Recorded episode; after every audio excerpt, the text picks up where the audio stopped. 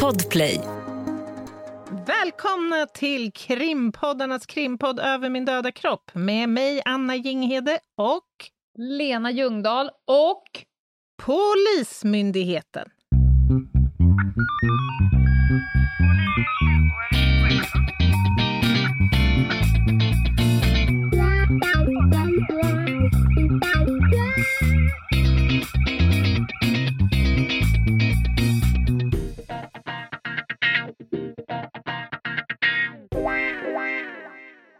Välkomna in i värmen igen, Polismyndigheten. Mm. Vi är så glada att ni är tillbaka. Mm. Och det är torsdag och då passar det jättebra att de är med eftersom det är krim för hela slanten. Just det. Till skillnad från i måndags. Ja, då var vi inte så mycket i krimfollan så att säga och veva runt. Det var vi inte. Nej, då var vi själsliga och moraliskt eh, ifrågasättande. ja, kort och gott. Kort och gott. Men idag, Anna, Mm. hur, hur mår du inför dagens avsnitt? Uh, alltså det, jag, jag, jag skälver nästan lite. Mm. Alltså tänk dig själv alla gånger du har varit ute som spanare då. Du har varit med kanske och observerat i vart fall på avstånd ett tillslag eller så har du varit med och gjort det själv, ett tillslag som har skett. Och nu väntar ni in det Mm. tunga artilleriet. Och ni väntar. Och ni. Bokstavligen. ja. Men sen kommer de. Sen kommer de som en jävla dröm i sina mäktiga bilar. Är det inte ändå en vacker syn? Är det politi du menar? Nej, det, det, det, det, det har något. Det har faktiskt något när kriminalteknikerna rullar in. Ja. Men det går inte snabbt. Nej, nej det, gör det, det gör det förvisso inte. Men ändå, bara för att sätta oss i stämning lite. Vi ska alltså prata kriminalteknik i cirkus en timme. Ja, Och det här har ju vi varit inne på förut, här Mhm. och där, av den e- enskilt största anledningen att 50% av den här uh, poddduon är ju kriminaltekniker, det vill säga du. just det. Det har ju alltså blivit eh, på något sätt då naturligt. Ja, men det är också roligt när vi samarbetar med Polismyndigheten, för då får vi ibland tilldelat såna här uh, experter, Mhm, så som eh, hon Kajsa, Mm. ryttaren. just det. Där, där stod vi oss lätt, så att Mm. säga. Ja, och då var det så tunna. kul inför det här avsnittet, behöver ni någon att intervjua? Frågar de mig och då sa jag så här, du kränkman, den kommer att stå så jävla kompakt så det, hade, det kommer inte finnas syre att andas om ni kommer att skicka in någon annan för att, för att skicka lite ljus på kriminaltekniken. Så så det här, we got this shit, sa jag då bara. jag hade känt mig lite, li, kanske lite snuvad. Hur ska vi lägga upp det då, Anna? Ja, men i vilken ände ska vi börja med detta? Vi kan ju först konstatera lite grann, vi har ju varit inne på tema som du helt riktigt nämnde, och vi har också konstaterat gång efter annan att det här kanske är, alltså kriminaltekniken och kriminalteknikerfunktionen, kan det vara en av de mer mytomspunna polisiära funktionerna som finns? Ja, det tror jag. Och jag tror att det har blommat upp också senaste åren med tanke på att 98 procent av allting som sänds på tv börjar med tre bokstäver. CSI. Mm. Och sen kommer det CSI Säffle, CSI Miami, CSI under vatten, CSI på vatten Ja. och så vidare och så vidare. Så ja, det tydligen intresserar väldigt många. Mm, Okej, men ska vi börja den änden då med att försöka bena ut vad kriminalteknik egentligen är och kanske också nibbla lite på begreppet forensik? Ja, eh, för det är någon form av skillnad. Ja, i alla fall hur begreppen används skulle jag säga i olika delar av världen. Och nu utgår jag då från den liksom svenska modellen, om man säger så. Alltså Mm. kriminalteknik, eller om man så vill forensik, är ett samlingsbegrepp för en mängd olika typer av liksom, vetenskapliga discipliner som används då inom ramen för den kriminaltekniska verksamheten. Och då kan jag nämna några för det här. Daktyloskopi. Japp, v- det, det vet jag vad det är. Ja, det, det handlar om fingeravtryck. Ja, och, och, till exempel, ni kanske har hört talas om så här att personen har blivit daktad. Just det. Det vill säga, innan personen fick hoppa in i, i det lite mer spartanskt inredda rummet, så, så fick personen avlämna sina fingeravtryck. Exakt. Mm. Vi går vidare. Serologi. Eh, Vet ej. Då är vi liksom i laborativ miljö och jobbar med DNA-extraktioner och blodgrupper och blodtypsbestämning och så vidare. Grafologi. Ja, det låter mer rimligt. ja, alltså handstilsjämförelser Ja. till exempel. Rättsmedicin, ballistik, rättsodontologi, rättsantropologi, rättskemi, rättspsykiatri och så vidare. och så vidare. Alltså det här fältet inrymmer en mängd olika liksom, subdiscipliner. Yes. Och jag nämnde, tror jag, att det finns en liten begreppsförvirring här. Men när vi pratar kriminaltekniker, då avser vi en person som jobbar i fält, ute på brottsplatser och förvisso delvis i laborativ miljö, men huvudsakligen i fält. Och omnämner man sig som forensiker, då åsyftar man i regel en person som jobbar i den laborativa miljön. Mm. Är du med på skillnaden? Det ja, och då är det oftast inte en polis, va? Nej, det är, det är helt riktigt. Det är väldigt Nej. många med fina eh, universitetsutbildningar i kemi, molekylärbiologi och så vidare. Mm. Eh, får jag ta med dig på en liten resa? Börjar vi krita? ja, men jag tänker att vore det inte lite roligt att få några exempel på liksom upptäckten av detta med CSI och kriminalteknik? Verkligen. Hur allt en gång började. Kör. Nu kommer jag starta någon gång för något tusen år sedan eller något sånt där. Långt, långt, långt tillbaka. Och drar den lilla berättelsen om drängen som mördades brutalt i vad som beskrivs i litteraturen som en slakt. Han Mhm. anträffas ute på ett fält fullständigt massakrerad av något form av skarpt tillhygge. Den lokala ordningsmannen kommer till den här platsen, tittar på kroppen och han konstaterar mycket riktigt här finns massor med skador som blöder. Vad gjorde han då? Det här var då innan man ringde CSI, så att säga. Mm. Mm. Mm. Han samlade då eh, tre eh, bönder som jobbade på de här fälten och bad att få se på de här herrarnas liar. Men nej, han kunde inte se något blod på någon av li liarna. Så det han gjorde då var att ställa en massa frågor då. Så han höll förhör med de här tre gossarna. Mm. Timma ut och timma in. Och plötsligt så noterade han en sak. På en av de här liarna så hade det plötsligt samlats en stor mängd flugor. Mhm. Och då undrar vän av ordning, vad tänkte han då? Vad blev slutsatsen av det här? Jo, att det kanske var så att det fanns blod på den här lien som hade sen torkats av, men som var tillräckligt för att attrahera spyflugor till exempel. Mm. Eh, och även förståelsen för att människor har unika egenskaper är känt sedan, länge. Jag tänker då i första hand på fingeravtryck. 200 år före Kristus finns det bevis för att man använde fingeravtryck som en signaturvariant, så att säga, på avtal och Mhm. sådär.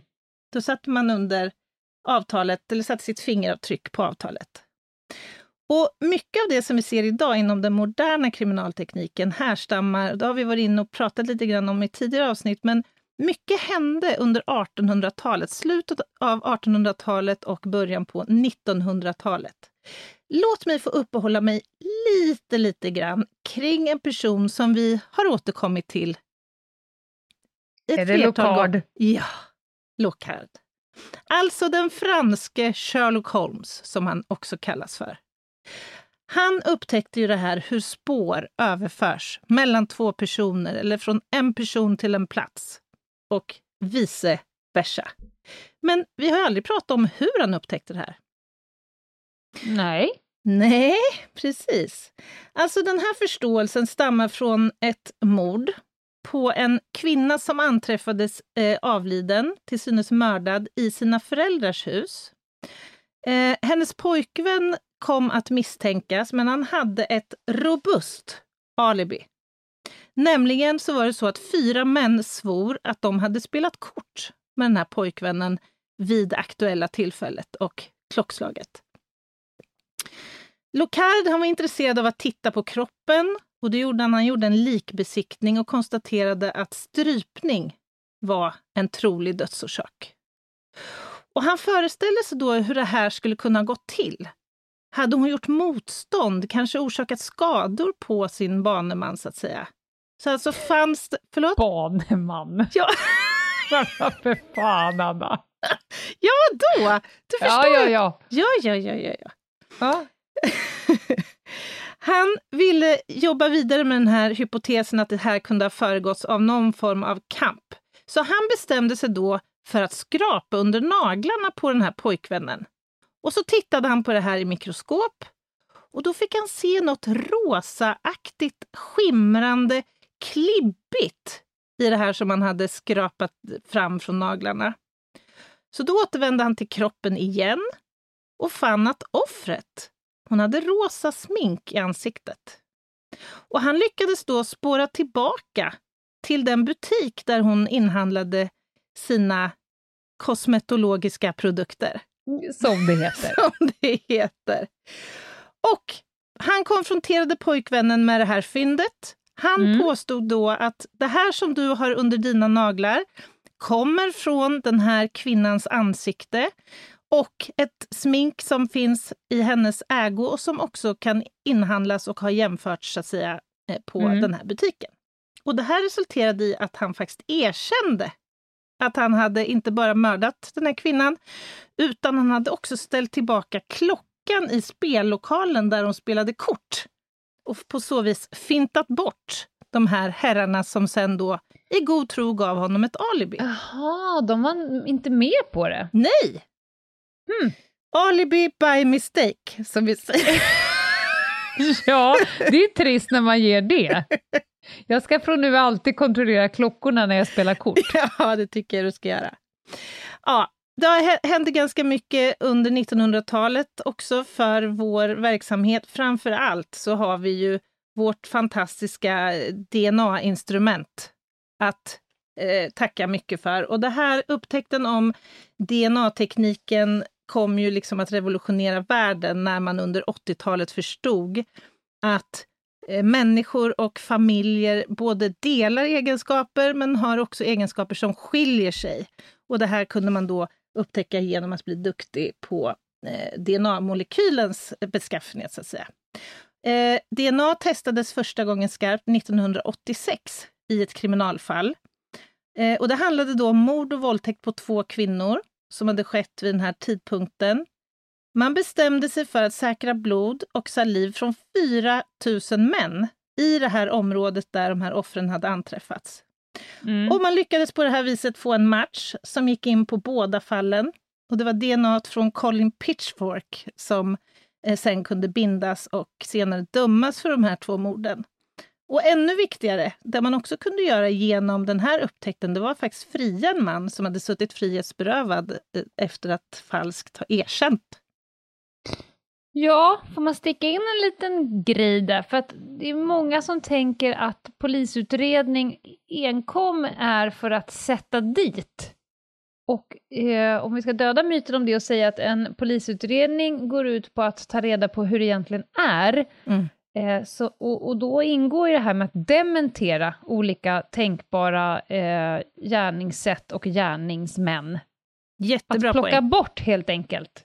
Mm. Det kan man också göra med hjälp av olika typer av utredningsåtgärder, där kriminalteknik är en av dem. Då. Ja, men det där tycker jag är en jättebra poäng som du tar upp, för det är ju en utgångspunkt alltid för oss som är kriminaltekniker när vi åker ut till en plats.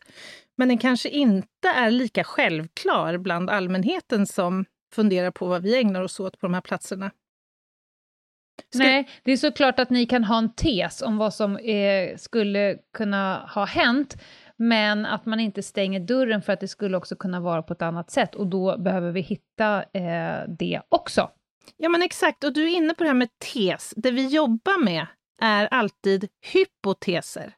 Mm. Det vill säga vi testar en massa olika varianter av skeenden och utifrån fakta värderar de här hypoteserna.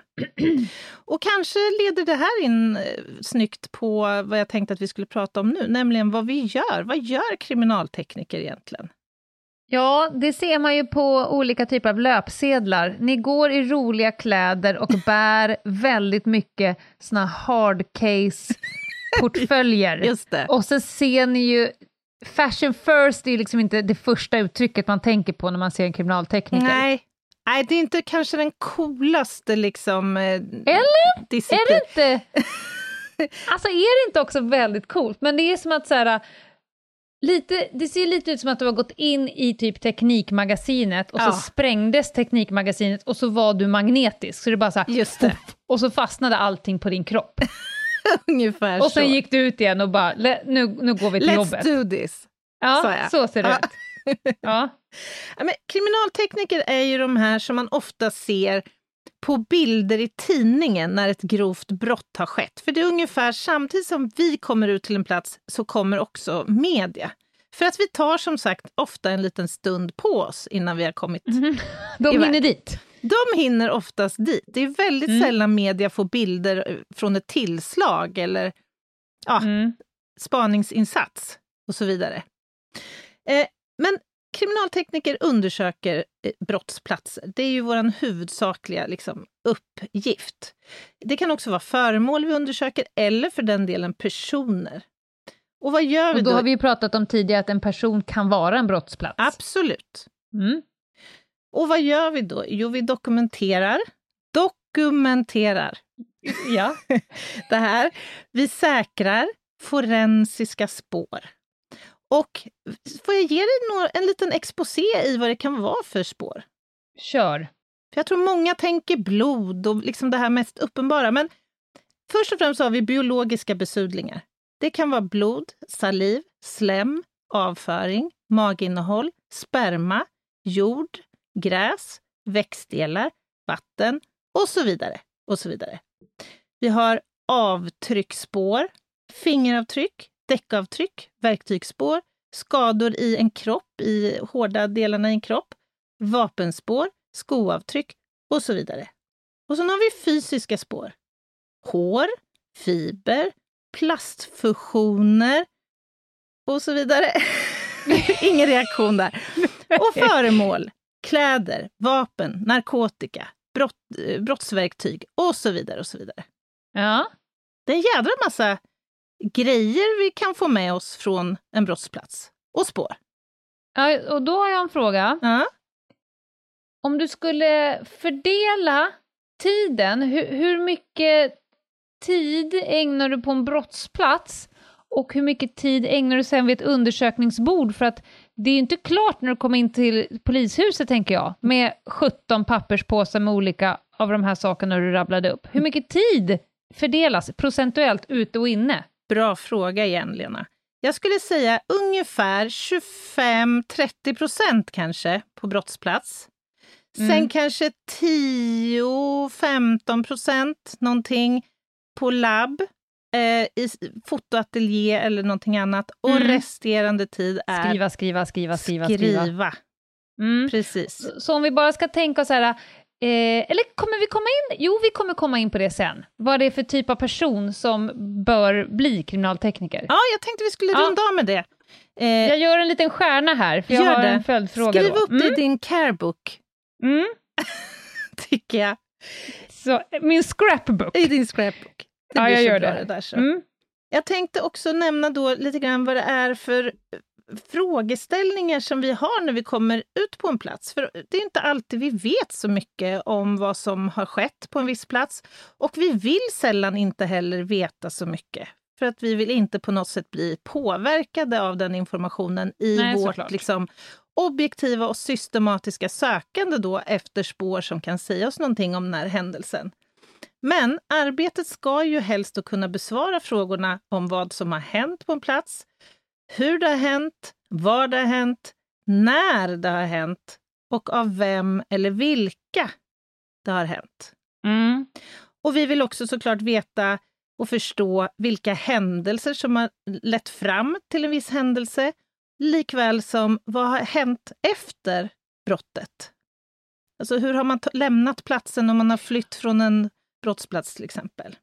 Och det här är ju för att täcka upp, för att jag ska säga så här, kriminaltekniken, precis som allting annat, gör man ju inte för sin egen stora vinnings skull, utan det kommer ju på något sätt bli en rättslig prövning. Mm. Och en sån där fråga, vad har hänt innan, vad har hänt efter, det, det kommer ju komma frågor i rätten om, för att man ska försöka beskriva ett helt händelseförlopp. Mm.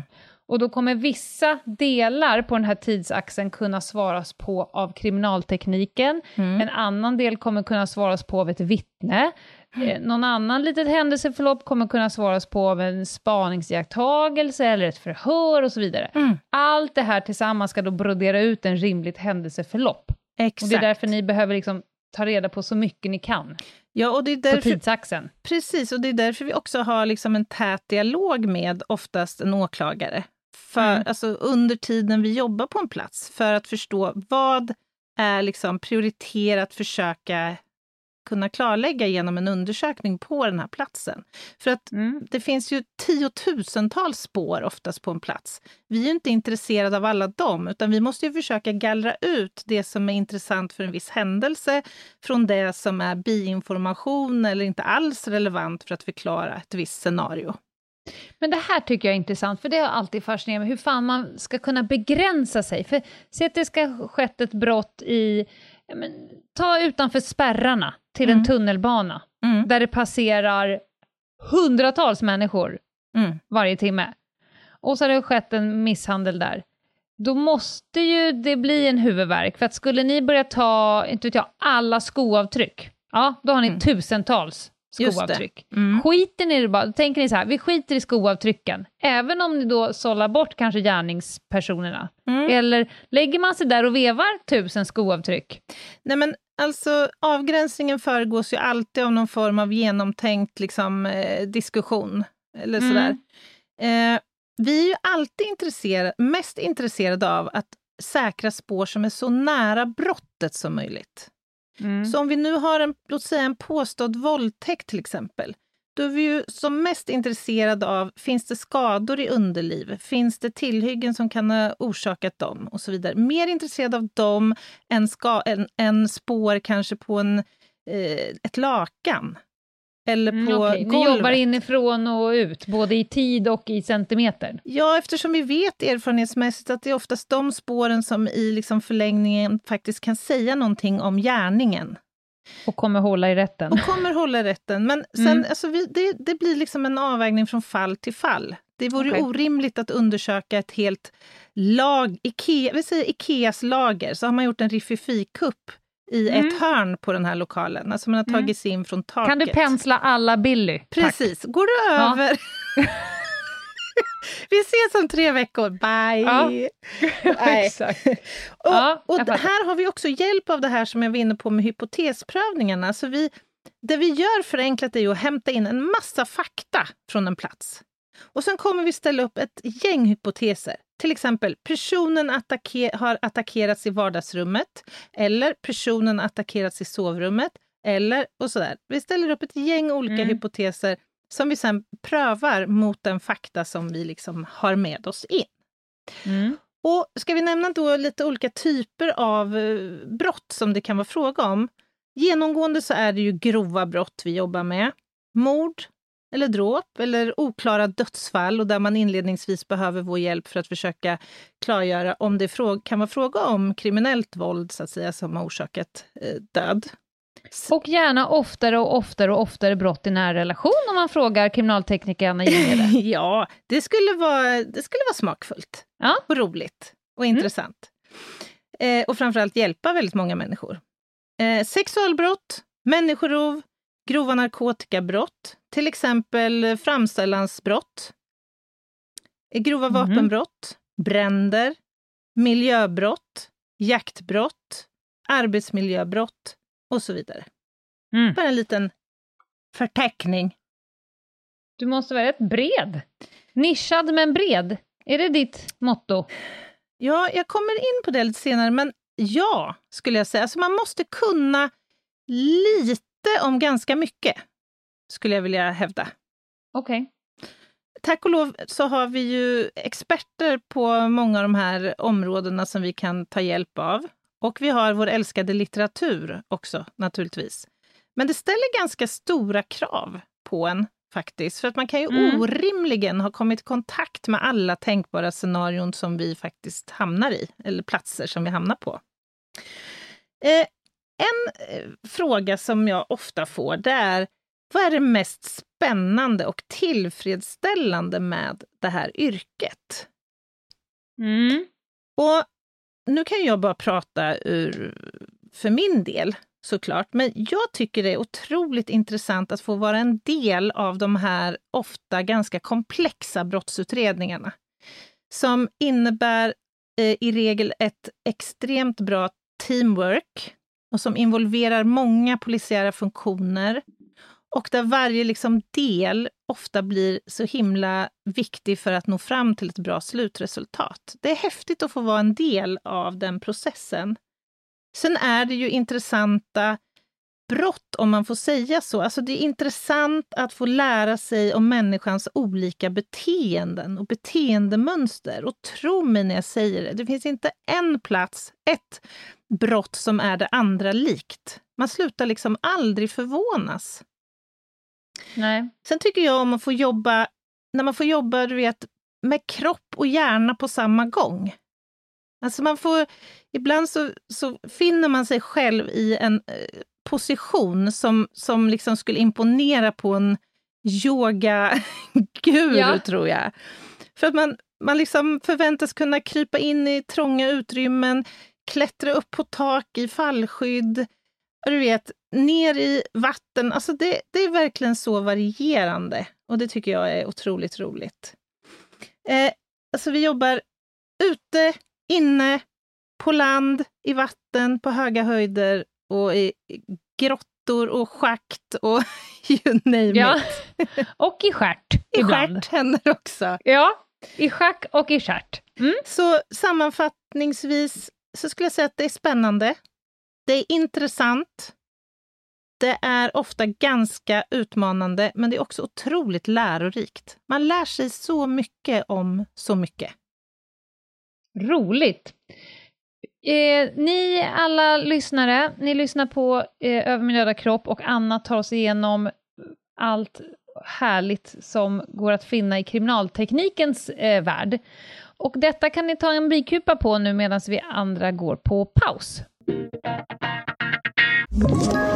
Ett poddtips från Podplay.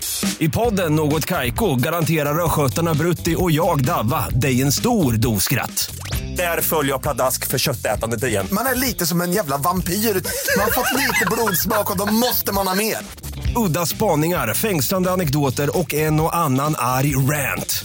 Jag måste ha mitt kaffe på morgonen för annars är jag ingen trevlig människa. Då är du ingen trevlig människa, punkt. Något kajko, hör du på podplay. Därför är gardinerna. Välkomna tillbaka. Det är Över min döda kropp och vi kör ett avsnitt tillsammans med Polismyndigheten den här torsdagen. Och Anna pratar om kriminalteknik och nu vill jag höra, vad är utmaningarna? Du har sagt allt roligt och härligt och spännande och utman eller intressant, men vad är då utmaningarna med det hela? Mm. Alltså jag skulle säga att den allra, tror jag, största utmaningen, men kanske också glädjeämnet på något sjukt vis, är ju det här som du frågade om tidigare, att man måste ha koll på så himla många områden. Alltså tänk att du har varit ute på en brottsplats och sen ska du då redovisa det här i ett protokoll. Och sen mm. har den här platsen varit en båt, eller en bil, eller ett ställverk, eller ett tivoli, eller ett flygplan, eller vad det nu än kan vara. Så måste du ju också ta reda på då, vad heter de här delarna? Vad heter det här reglaget på eh, en flygmaskin, till exempel? Mm. Eh, man måste veta hur olika typer av vapen fungerar och omnämns. Hur det här med kaliber fungerar till exempel. Vi måste ha koll på ljuskällor, hur ljus med olika typer av våglängd jobbar på sina olika vis och vad olika ljus är bra på. Fy fan, alltså Anna, vi vi två som kombo skulle ju vara rätt starka i såna här frågesportsprogram. Borde vi inte det? Om du tar frågorna på tivoli och ställverk, så kan jag ta Händel och Strauss. Och sen åker vi bara. Fan vilken bredd ändå! Ja, men jag, jag tror ja. att vi har... Man kan tro nog, sett utifrån, att vi är rätt så här, likadana och smala. Ja. Men jag kan ingenting om ställverk till exempel. Nej, och jag kan ingenting om, vad sa du, händer? Händel? Händel. jag skojar. Ja, ja nej, men det är förlåt. många sådana här områden. Vilka delar ingår i en bomb? Hur, hur framställer man amfetamin? Hur funkar olika... Ja, det kan jag. Ja, det kan du. Den frågan kan Den jag ta. kan du ta. Ja. Hur funkar olika typer av brandstiftare och hur kan man tolka brandbilder? Hur kalibrerar mm. man en metalldetektor? Hur funkar eh, el? Vilka faktorer inverkar på uppkomsten av olika brandbilder? Hur beräknar man anslagsvinklar i blodstänk? Och så vidare. Den här listan skulle jag kunna göra Gud. väldigt lång. Jag får huvudvärk. så det här är, det är en utmaning. Sen ja. skulle jag säga en annan är, för mig i alla fall, att man måste alltid påminna sig om att tänka efter före. Det är mm. jättelätt mm. att komma till en plats där ett eh, grovt brott har skett och liksom rusa åstad. Mm. Man slänger sig in för att man vill ju undersöka den här platsen. Men då måste man hejda sig och ta sin lilla... Termos. Sen tar man sin, sin lilla termos, ja. Flexibilitet kan vara... Alltså, om du planerar att ha ett rikt socialt liv med mycket middagsbjudningar kanske och romantiska weekends och så, så kanske inte ja. kriminalteknikeryrket är för dig. För att du blir uppringd mitt i natten ibland. Du behöver schappa från en eh, middagsbjudning och du kommer behöva ha beredskap på obekväma tider. Men mm. det är också något visst med det där. Ja, det, det jag skriver under. Ja. Man kan, man kan tycka att det ändå har något att bli eh, väckt 03.25, kliva ut i sommargryningsmorgonen, ta sig in till jobbet, byta om och åka ut och veta att nu kommer vi göra ett förbannat bra jobb. Ja, jag, jag håller med. Livet och verkligheten och Homo sapiens brukar ju kasta på, er, kasta på en precis så mycket utmaningar som man klarar av att hantera och lite till. Mm. Och det kan ju inte vara någon skillnad i ditt yrke. Nej, det tror jag inte. Nej. Ska vi prata lite grann om hur man blir kriminaltekniker? Är det här en funktion som någonsin har lockat dig? Absolut inte. Och det kan jag berätta varför sen, för jag har suttit här och skrivit så pennan blöder medan du har pratat. Har, jag har skrivit upp alla egenskaper som jag hör dig säga att man behöver ha. Vi kan komma in på det sen och jag kan konstatera att jag har nog nästan ingen av dem. Okej. Okay. Själv. Så att nej, det har, har inte lockat alls. Men äh, jag... Vadå? Stopp och belägg. Det Aha. tror jag visst att du har. Ja, vi får se sen. Ja. Jo, några har jag. Ja. Men, men det är några där jag skulle fallera, eh, liksom, jag skulle bli diskad. Just det. Just ja. det. Jag, jag, kanske täcker upp några, men sen så, så, får man höra den sista så bara, nej, nej, där har jag noll. Framförallt så gillar du ju inte hardcase-väskor. Nej. Nej, de är så dåliga när man spanar. Varför har hon varför ser hon ut som en sån här combat-galning? Nej men apropå hur man blir kriminaltekniker. Mm. Jag, jag roade mig med att gå in och eh, titta på så här eh, framtidsutsikt för olika yrken. Ah, spännande! Ja, och då stod det på kriminalteknik stod som rubrik och så står det att det, vi ser en god arbetsmarknad för de som kan utreda och analysera brott och efterfrågan förväntas öka fram i framtiden. Mm.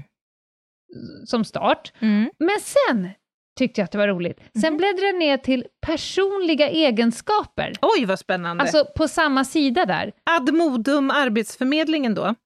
Ja, lyssna på det här. Jag tycker att det är lite tunt. Okay. Efter, efter det du har sagt alltså. Det Låt står, höra. Du ska ha god kunskap om olika sorters skjutvapen, läsförståelse och skrivförmåga. Punkt. Är det inte lite smalt? Och då tänkte jag så här, har jag läst fel? Är det en annons för ballistiker? ja, nej, nej, det var kriminalteknik. Då behöver du kunna skriva, fatta och skjutvapen. Men, ah, ja. Och då, då skulle jag vilja säga, då är jag ju eh, ticken i box på alla. Verkligen. Kan man säga att de sköt lite över målet där? Det med Anna!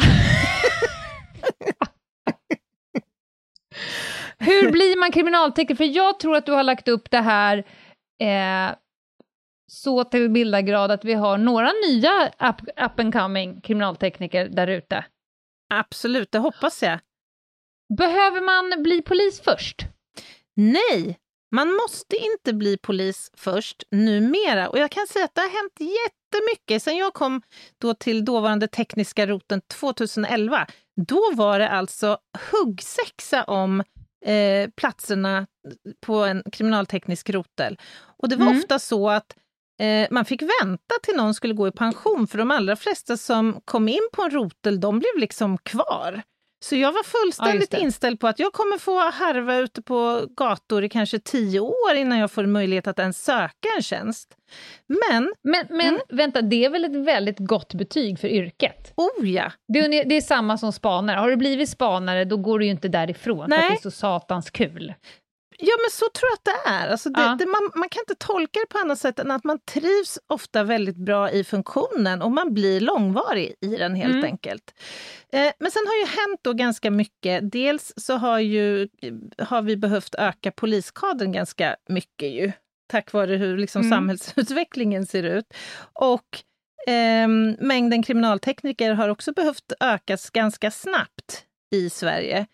Eh, och man fick helt enkelt inte poliser tillräckligt som sökte tjänsterna. Så det har liksom svängt från att vara helt mm. omöjligt att det kanske var 25 sökande på en eh, plats, så att säga, så mm. är det idag eh, så att man behöver få in fler. Och då här har man då testat nu att eh, rikta sig mot eh, civila så i Stockholm har man precis eh, genomfört ett pilotprojekt där man har anställt, jag tror det är 11 civila kriminaltekniker för ett år sedan ungefär. Mm.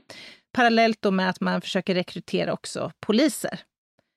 Eh, så att idag går det som civil att söka en eh, kriminalteknikertjänst, inte i hela Sverige dock, inte i alla polisregioner. Nej, men det okay. kommer säkert, skulle jag tro. När man väl har fått en tjänst som kriminaltekniker, då förväntas man gå bredvid, så att säga, att liksom under handledning vara ute och jobba på brottsplatser, skriva protokoll, göra klädundersökningar eller vapenundersökningar eller vad det nu kan vara. Och samla mm. på sig då en del kunskap så att man sen har förutsättningar att fullfölja den stora kriminalteknikerutbildningen. Och den här utbildningen löper under ett år jag tror att det är ungefär de, de, har ändrat lite fram och tillbaka, men jag tror att det är 18 fulla veckor numera som man gör på NFC, alltså Nationellt forensiskt centrum i Linköping. Och sen är man också iväg några veckor och gör brandövningar och sådär. Och jag kan ärligt säga att det här är fasen mig det roligaste jag har gjort. Den här utbildningen. Mm -hmm. Och det, aha, den går man Eh, oavsett om man är civilanställd och har blivit antagen eller om man är polis och vill bli kriminaltekniker. Det är samma utbildning hos NFC? Det gäller alla, ja.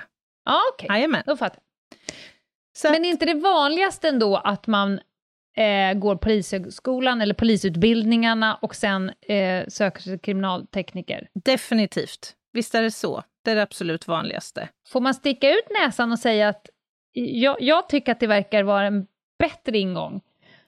Av den enkla anledningen att om man ska vara en del av en brottsutredning, så här, oavsett om man ska bli spanare, hundförare, ryttare, fordonstekniker eller vad det nu är, mm. Om du har fått en, ju bredare grund du har och ju större förståelse du, du har, alltså har du varit på gatan och mm. hållit på med brottsutrednings alla hörn, så är det ju lättare att få en förståelse. Sen mm, kan du ju få den på annat håll ändå, men det kan ja, inte vara någon nackdel. Nej men absolut, jag håller med. Och dessutom så är det ju faktiskt så att om du har gått poli en polisutbildning så har du ju polismans befogenheter. Ja. För det innebär ju att om du inte är polis så kan du kanske inte köra bil. Ja, du kan köra bil, men du får ju inte köra blått. Alltså du får inte köra utryckning. Det händer ju Nej. att även kriminaltekniker behöver faktiskt köra fort i tjänsten, mm. även om det inte är jättevanligt. Mm. Vi har ju delat med att ta föremål i beslag till exempel, som mm. också bli, kan bli lite problematiskt. Men allt det här har man ju naturligtvis funnit en lösning för och det fungerar så vitt jag förstår alldeles utmärkt för civila. Det kan ju också vara så att civila kommer in med en annan eh, bakgrund som kan vara en stor fördel för eh, forensiken i landet. Ja, men självklart. Jag gillar mixen. Och, och jag gillar att Polismyndigheten säger så här, vi har ett problem, vi behöver fler, hur gör vi? Och så löser man det. Verkligen. Sen kan det ju faktiskt finnas personer som skulle vilja bli polis, men av olika anledningar in, är, inte är, kommer komma in på mm. polisutbildningarna. kan vara no, någonting som gör att de fallerar. Mm. Då kanske man kan gå det här spåret och bli kriminaltekniker. Mm. Vad vet jag? Och nu kanske det sitter människor där ute och, och tänker så här, men jag är ju civilist, så att säga. Jag är inte Aha. polis, men jag skulle vara intresserad av att bli kriminaltekniker. Och vad kan då vara bra grejer att komma in med i polisverksamheten? För det kanske inte är det mest självklara som man föreställer sig. Nej. Jag själv skulle ju önska att till exempel att någon elperson, någon elektriker, söker. Ja. Så har du en 20-30 högskolepoäng i ställverk, Just det. Så är det just dig vi söker. Nej, men får jag ta min lista här nu med, med egenskaper som jag har suttit och skrivit medan du har pratat? Mm. Jag har skrivit att man behöver vara väldigt vetgirig. Ja. Att man liksom inte känner sig mätt på kunskap. Ja, du får inte vara en proppmätt eh, person. Nej, men för att, och vetgirigheten knyter ju också an till en, som jag kom på nu, en annan kanske utmaning och det är ju att det ställer ju vissa krav på dig som kriminaltekniker, att du faktiskt håller dig uppdaterad om tekniska liksom, eh, framgångar och landvinningar och möjligheter och faktiskt mm. är nyfiken på diverse för att söka lösningar på frågeställningar. Mm. Och sen skrev jag också strategisk och metodisk. Mm. Det skulle säga är vägledande. Ja, där, ja, någonstans där är det lite tunt på den här sidan. Ja. ja. Ja. Men jag måste ändå säga, så jag har flera kriminaltekniker kompisar som när man kliver in på deras tjänsterum så är man snudd på, man blir orolig för den här personens så att säga, psykiska välbefinnande. Ja. Men de är otroliga ute på en brottsplats. Ja, men så kan det ju vara. Jag blir ju oftast orolig när jag ser dina grejer. Du, du funkar ju bra ändå, ja. så att säga. ja. Jag tänker att en person som behöver lägga så mycket tid på det där har ju kaos på insidan, men du får ju ihop det ändå, Ja, Inghede. det brukar bli hyggligt. Sen har jag skrivit också analytisk, och mm. det är generellt för allt form av polisarbete. Mm. Också en ganska stor portion med tålamod, alltså det här att, att som du säger, att, att ha en förmåga att bromsa in, mm. tänka efter före, chilla lite. Mm. Att kanske inte gena och springa på den enkla bollen det första man gör. Nej, tålamod är en dygd i den här branschen kan jag säga. Det kan handla om tålamod i allt från att eh, invänta politi till invänta svar från NFC till att få den här spårsäkringsgrejen att funka. Du testar mm. fyra gånger, nej, jag får inte till det. Liksom att försök igen, tänk om, gör ja. om och prova. Eh, sen har ju alla skrån inom polisen jag som har varit runt och utbildat lite, det är ju för fan du också. Man är ena dagen på, hos hundförarna och andra dagen hos någon annan och utbildar inom polisen. Varje grupp har ju lite så här, alltså, lite eljest.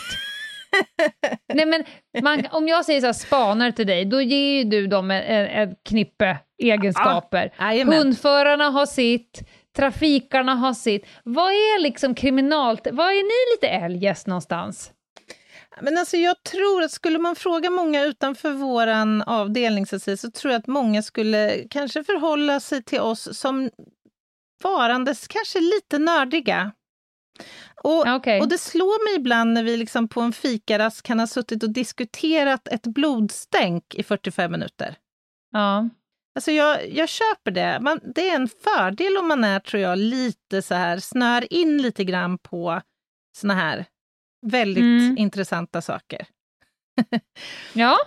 um, ja, men det finns en föreställning om att vi är lite långsamma. Så det är ett epitet som vi har fått tack vare, tror jag, att mycket av det vi gör tar tid, helt enkelt. Mm. Vi är inte särskilt, tror jag, omständiga egentligen. Det är bara det att Ska man ut till en viss plats, ja då kan man ge sig tusan på att det är 48 kollin som ska packas och lastas och allt det här. När tog du senast ett fara dröjsmålsbeslut i tjänst? Oj, det tror jag var kanske 2010. Ja, Eller något sånt. och då jobb, var du inte kriminaltekniker? Nej, det var Nej. jag inte. Saknar du eh, pulsen? Jag menar sånt som biljakt, gripande, löpningar, snabba beslut, hålla förhör. Saknar du liksom IGV-delen någonting? Ja, men jag kan sakna IGV. Det är klart, alltså där, den där lusten dör väl aldrig hos en. Att få åka och få köra radiobil, träffa människor, prata med folk. Ja, för det här det var min rätta. nästa fråga. Mm. Det var min nästa fråga. Du är ju en sån himla, till skillnad från mig, du tycker väldigt gott om människor. Ja. och tycker om liksom interagera. Du är ett socialt, där är ju du lite eljest. Alltså, finns det en människa med puls, då står ju du där och pratar. Ja. Och sen håller du på med ställverk, tivolin och mm. ljuskällor. Saknar du inte interaktionen? Oj, vilken bra fråga. Jo, men alltså, jag, jag älskar ju... Det är mycket döda ting, ja. även döda Homo sapiens och döda saker. Jo, men det är det ju. Och ibland kan man ju finna sig i liksom att ha varit på en brottsplats kanske i fyra veckor. 48 ja. gånger liksom på en, en viss tidsperiod. Och då visst kan man känna så här, gud, jag klarar inte av att se den här källaren nu en 5, 49 gång. Men mm det är ju någonting i det där att också få vara liksom ett med brottsplatsen. Så det, ja. det är lite härligt på något vis. Och sen får man väl ta, få utlopp för det här sociala liksom vid sidan om. Jag har ju inga stora problem att lyckas med det, så vitt Nej. jag vet. Nej. Sen har jag en fråga till. Eh, vittna. Mm. Jag menar med tanke på att ni ser så mycket och ni gör undersökningar, står vid ett undersökningsbord och sen skriver och skriver. Just det, det skulle jag säga också. För er som tänker att ni ska bli kriminaltekniker, ni hörde ju vad Anna sa i början, procentuellt. Mm. Ni måste älska att sitta vid en dator och skriva rad ett, punkt och sen någonting, två, punkt och mm. så någonting. Och så tänker att du gör det timme ut och timme in. Mm. Om du inte njuter av den tanken, då sök en annat skrå inom polisen. Ja, då kommer det bli, om du inte tycker om att ägna fem timmar åt att göra en planskiss i ett program som heter Visio, då kommer det bli tufft. Ja, exempel. då kommer det bli tufft. Men eh, du får, har ju väldigt mycket information och gjort dina undersökningar och kan mer då om det här ställverket än till exempel nämndemännen. Hur mycket vittnar du?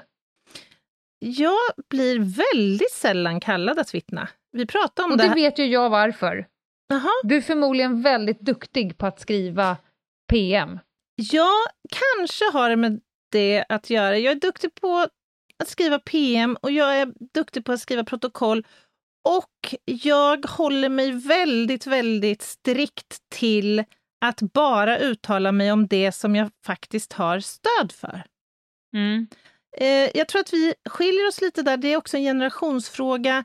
Vissa kanske hänvisar till hur det normalt eller vanligen eller generellt ser ut vid en viss typ av plats. Eller så här. Och då kanske det blir så att man oftare också blir kallad att ja. vittna. Det är som att be om, eh, kom hit och berätta mer, eller hur du tänkte. Ja, men lite så. Mm. Men det är ju oftast inga konstigheter, bara man vet i förväg vad man förväntas att uttala sig om, så är ju det sällan ett problem. Och väldigt lärorikt skulle jag vilja hävda. Ni som tycker att det här med kriminalteknik verkar vara da shit, ni kan helt enkelt fladdra in på Polismyndighetens hemsida och klicka runt där. Har du någonting så extra spännande som du vill så att säga spik i kista här, Anna? Innan, för jag vet att du har en jätte, jätteviktig lista som vi ska hinna med också. Ja, och jag, vi kommer inte hinna dra något case. Och faktum är, jag får ofta den där frågan. Vilket är ditt mest spännande case du har jobbat med? Och jag har alltid jättesvårt att svara på den. Därför att jag har jobbat med, jag skulle hävda att i princip alla ärenden jag har jobbat med har varit spännande, hur sjukt den kan verka. Men okej, okay. jag har en lösning på det här. Yes. Vi har ju haft flertalet avsnitt innan om kriminalteknik. Mm. Och du har ju pratat om eh, skeletterat material i vägarbetsgropar, du har varit på flygplansvingar, mm. du har varit vid tsunamin och du har varit grävt ut likmaskar ur munnar och det är styckningar och allt möjligt. Så att ni som liksom inte kan få nog av det här, ni får helt enkelt bläddra bakåt i podden. Ja, och ett alternativ är ju också så här, förenklat kan man säga att de mest spännande casen är ju de där man faktiskt hittar, lyckas hitta, lyckas framkalla och lyckas säkra spår som senare visar sig ha stor betydelse för utgången vid ett åtal och där man kanske kan ibland ha lyckats styrka en hel gärningsbeskrivning med kriminaltekniska fynd. Säg ett sånt då. Vi hade styckmord i Örebro, eller Hällabrottet, för vad kan det nu vara, fem, sex, sju år sedan kanske. Ja. Där kriminaltekniken blev väldigt vägledande i slutändan. Visserligen också en hel del utredningsdelar som fick stor vikt under utredningen. Men kriminaltekniskt mm. var det väldigt solitt, så att säga, i slutändan. Snyggt! Och det, då sitter, eh, vet precis den känslan, då klappar man sig lite så här på axeln och mm. så säger man good job Bob. Mm. Då blir man mm. glad. Aha, ja. är du sugen på att dra lite samhällsinformation? Ja, framförallt är jag sugen på att höra din jätte, jätteviktiga lista. Jag undrar om den är på tema eller om vi ska eh, under bältet eller in i döden. Det är väl där någonstans du brukar uppehålla mig. ja, men innan dess vill jag säga två spännande saker.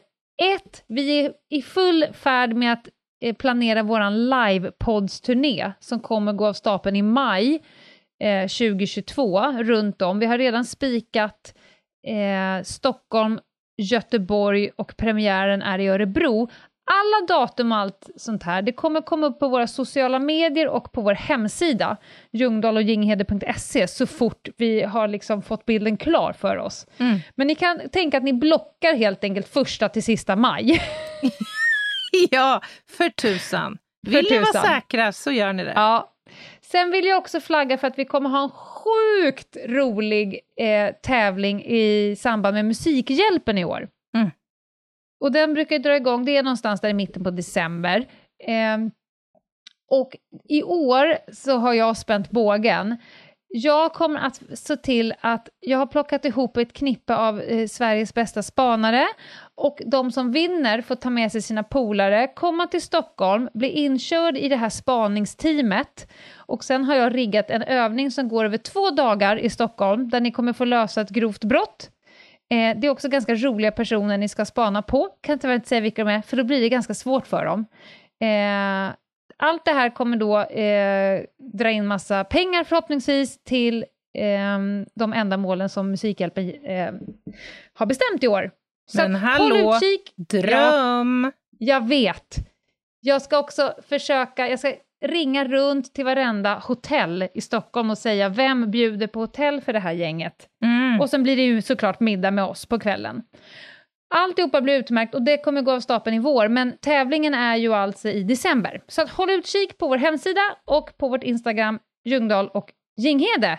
Men nu Anna, nu är det en jätte, jätteviktig lista på gång, ja, eller hur? Den är oerhört viktig, den här listan. Annas jätte, jätteviktiga lista. För er som var med i lördagens live så pratade ju vi om olika medicinska innovationer. Minns du Lena? Det var mm.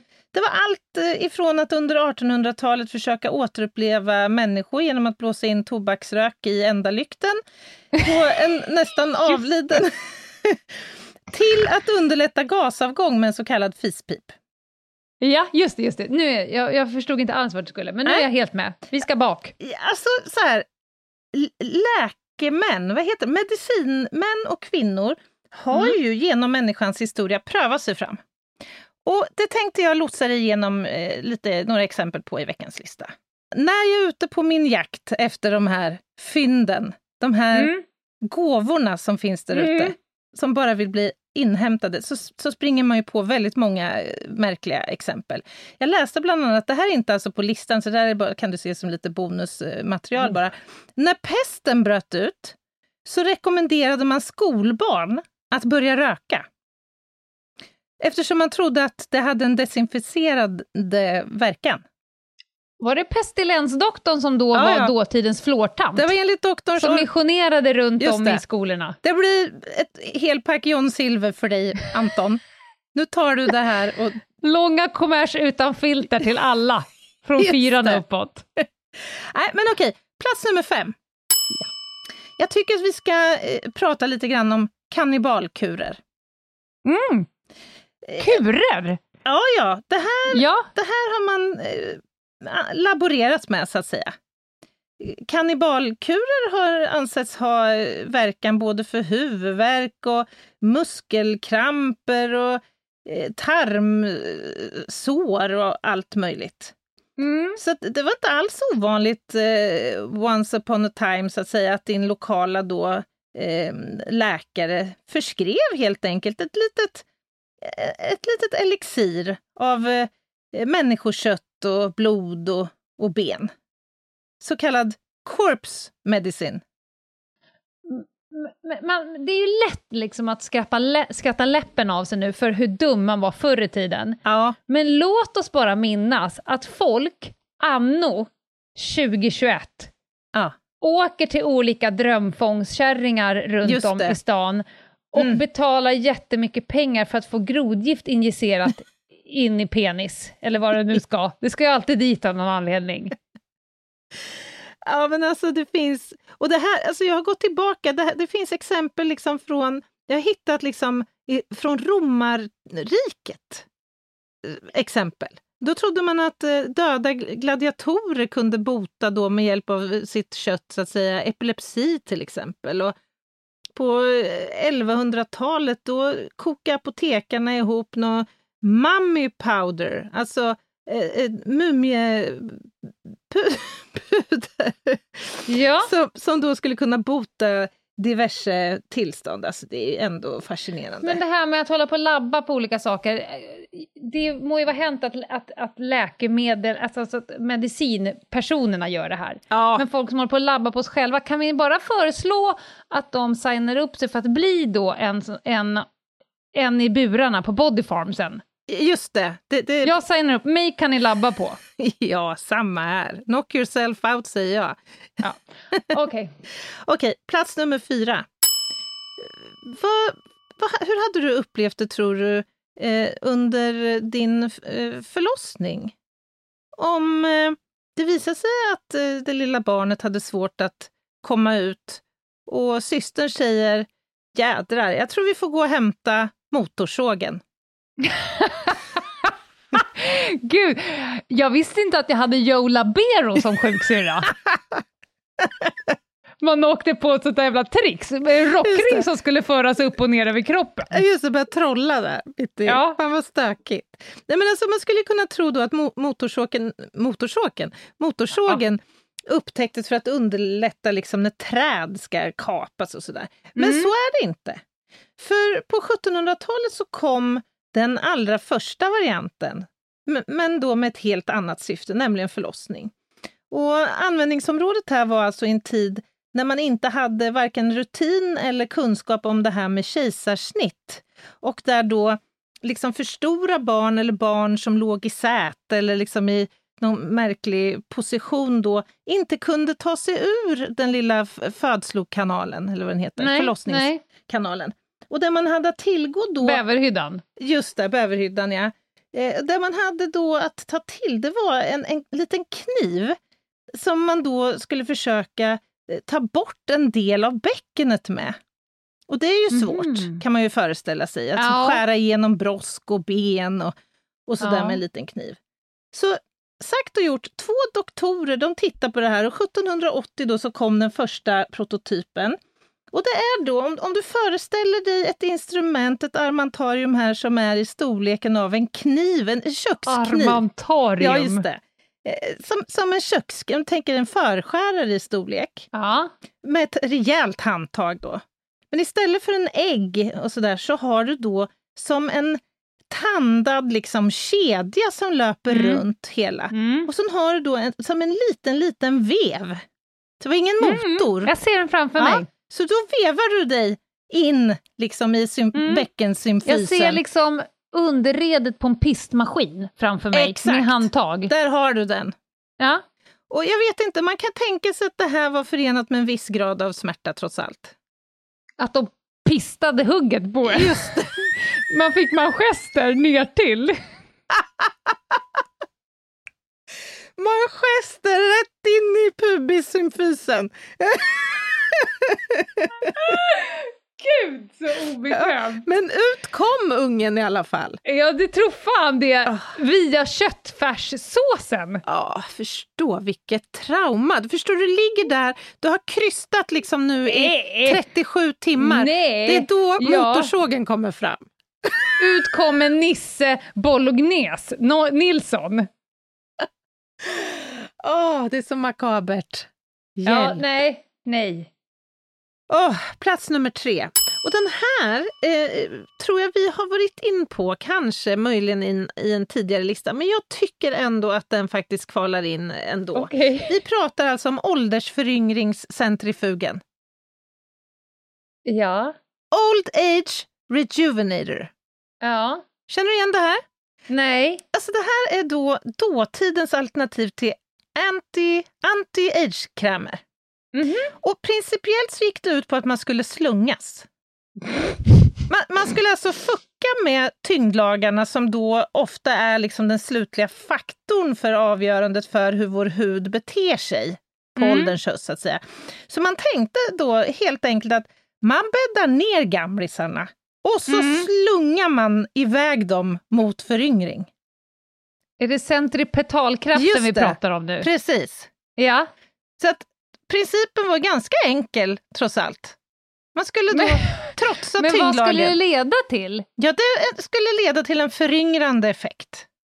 Jag har dock inte lyckats hitta något som helst evidens för att det här fungerade. Men vänta, då måste jag ha haft någon form av tanke. Är det liksom att jag ska Ja, men, pressas? Är det att cellerna ska pressas? ja, men om, du, om du tänker att du du tänker en stor platt, tänk dig en LP-skiva för enkelhetens skull som ligger Ja. på en grammofon. Ja. Och så tänker du då att du liksom ifrån ett centrum och Ja. radiellt ut från centrum placerar Ja. du gamlisar i sängar. Sen drar du på grammofonskivan. Tjing pax för att inte ligga i sängen längst ut. Den blir ju inte yngre, kan jag säga. den blir bara plattare. Jag, jag, tror helt enkelt man tänkte när du kom upp i en viss hastighet, då Mm. kommer ju då, då kommer du motverka effekten av att allt faller neråt. Så att istället pressar du då allt upp mot liksom huvudänden om du tänker i, alltså i utkanten av LP-skivan här. Och så höll det på sådär. Men vi ska också minnas att det inte var länge sedan som Anna Anka åt hajbrosk bli Just yngre. det. Eller kycklingbrosk var det tror jag. Ja, möjligtvis. Eller brosk, det räcker ju. ja. Ju och, och hade typ tre grader kallt hemma för att eh, bli Just yngre. det. Just Så det. att det var, det, jag, jag vill bara säga så här, det är lätt att göra sig lustig över för dem som förr i tiden tänkte liksom halv Ja, fula tankar. just det. Det sker ju än idag. ja. Ja, vi går vidare. Vi går vidare, plats nummer två. Och nu kommer vi då landa även den här veckan i någon form av under bältet eh, medicinska innovationer. Mm. Jag vet inte, men det är lätt att hamna i... Till skillnad från en pistmaskin i hugget. Nu ska vi ännu längre ner. Just det, det det hade jag glömt. Men vi ska prata lite grann om idéer kring det här med hur man ska bota impotens. Mm. Och Ja. här, här har elchocksbehandling varit populärt genom eh, tiderna. Eh, och eh, i grund och botten så handlar ju det här om svårigheten att förstå vad impotens egentligen har varit orsakad av. Eh, och det är en mängd teorier då som har florerat genom århundradena här.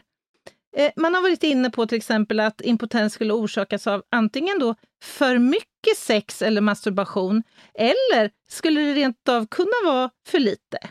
Mm. Man har då provat sig fram till olika lösningar här för att behandla den här erektila dysfunktionen.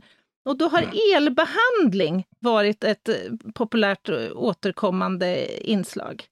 Eh, även att dricka sitt urin, örtcocktails av olika slag. Men det mest brutala här skulle jag ändå vilja påstå är att chocka penisen. alltså bokst bokstavligen talat. Med, med el. Okej, okej, okej. Man har då testat galvan... Eller så kan man chocka mannen som bär penisen med kritik. Ja, just det! Ja, det, det är också en ganska effektiv metod. framgångsfaktor. Ja. Nej, vi ska inte göra oss lustiga. Det här är ju eh, säkert ett väldigt tråkigt och jobbigt tillstånd. Men då kan man alltså testa då galvaniska bad till exempel. Det är alltså ba badkar helt enkelt. Du fyller då med elektroder som, som mm. kopplas på och som skulle då återställa eh, lusten. Och det här skulle då enligt uppgift bara behöva ta sex sessioner i badkaret. för, att, för att lusten ska komma ja, tillbaka? Det, det, precis. Det, man ska ha en jävla märklig läggning alltså, om man ska gå igång ja, där? eller vara ganska lättriggad, tänker jag. Ja, okay. ja. Mm. Elektroder inne i urinröret och det här ska räcka då med 5 till 8 minuter per behandlingsomgång. Mm. Eller varför inte helt enkelt ha ett litet elektriskt bälte som man då kan bära under sina kläder och som hela tiden puffar in en elektrisk ström i lilleman. Alltså... Men ja. vill man allt? Är det, är det önskvärt? Nej, det tror jag verkligen inte. Det är också oerhört stigmatiserande. Förstå på badhuset, ah, jag ska bara batteritorsk här. Ja, framförallt så hade det varit väldigt roligt att se en person på badhuset i Speedos och ett litet ja, bälte. Ja, jag menar det. Det är ganska utmärkande så att säga. Ja, ja du tyckte inte att det själva liksom uppföljningen var utmärkande? Utan Nej, jag... inte på ett badhus tycker jag. Kanske Nej. inte att det är ett problem att man har impotens så att säga. Nej, nej! Ja, du tänker att Men du har själva... fått... Ja, ja. Jag, jag, jag tänker att om bältet gör att det så att säga blir liksom tältning. Ja, ja att det är där det ja. sker så att säga. Jag förstår, ja, jag förstår. Ja, det kan såklart vara lite problematiskt, men då tror jag att eh, vederbörande kanske skulle bli så lycklig så att han struntar i motionssim ja, den dagen. Mm. Okej, plats nummer ett. Mm då behöver vi prata också lite grann om boten mot ofrivilligt stånd. Mm. Och, och här snackar vi alltså om en jädra fiffig eh, pryl. En anti-erektionsmaskin som mhm. patenterades 1903 av amerikanen Albert Todd. Varför då... har inte den jäveln fått Nobelpris?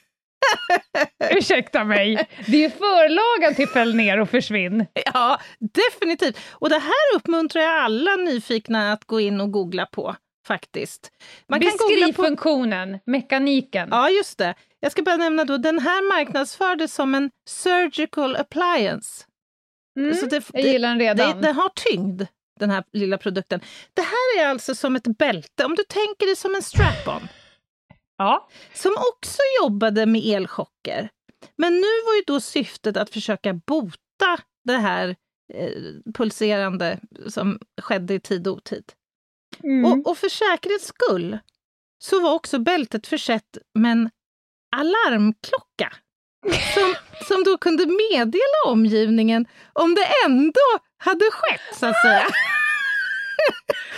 Gud! Jag ser framför mig mina barn när vi ska fiska i Särna, när jag sätter små bjällror på skorna Just för att det. vi ska skrämma bort björnen. Ja, ja. Ah, ja, ja, och det här, det så... Har man en liten bjällra längst fram? Ja, men alltså, det ser ut, om du tänker dig som ringklockan på en cykel ungefär. Ja. Det är oerhört fascinerande. Och så föreställ dig vad problematiskt, du är ute och storhandlar och så helt plötsligt rrr, så ringer det i, i, i brallan då.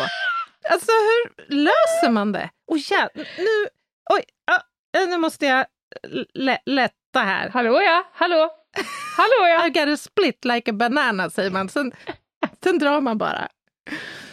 Men, ja. Oj! Ja, det är mm -hmm. otroligt. Och, och, jag förstår att det här med mannens potens har varit en ganska angelägen potatis även förr i tiden, så att säga. För att det har, mm. det har verkligen använts många kreativa så att säga, hjärnor för ja. att... Ska den inte upp så ska den ner. Just det. Man blir aldrig nöjd som det verkar. Nej. Ja. Ja, det, Ja. Det Jag, var... har, jag har antecknat lite saker bredvid, men jag tror att vi lämnar dem därhän. Ja, jag tror vi gör det. Vi får Ja. ta det i bikupa sen, vid ett annat Mm. tillfälle. Mm, det får vi nog göra. Ha Ljungan! Oj, oj. Ja, bra lista, Anna. Tack och förlåt för den här veckan. Tack och förlåt. Och om Polismyndigheten fortfarande är med oss så tackar vi väl för sponsringen den här veckan. Anna gör en fantastisk min i, i, i Facetime-gluggen här. Hur är det, Anna? Åh, gud, jag fick, nu fick jag både urtikaria och eh, angina pectoris på samma gång. För att inte glömma att du har en krater på benet. Just det. Just En vätskande sådan. Mm. Ja, men vi fäller både ner och in hovarna för den här veckan och sen så ses vi på liven på lördag. Det gör vi. 11.30 på Instagram. Då tar vi en bikupa på det här. Och tills dess säger vi tack och förlåt och ha det så bra där ute. Och gå in på Polismyndighetens hemsida om du vill bli kriminaltekniker. Just do it. Bye!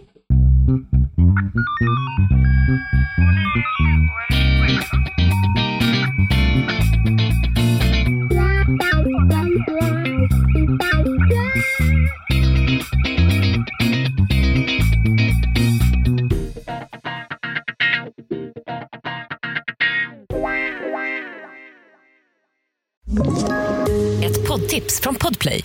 I podden Något Kaiko garanterar östgötarna Brutti och jag, Davva, dig en stor dos skratt. Där följer jag pladask för köttätandet igen. Man är lite som en jävla vampyr. Man har fått lite blodsmak och då måste man ha mer. Udda spaningar, fängslande anekdoter och en och annan arg rant. Jag måste ha mitt kaffe på morgonen för annars är jag ingen trevlig människa. Då är du ingen trevlig människa, punkt. Något Kaiko, hör du på Podplay. Därför arkadeinerna.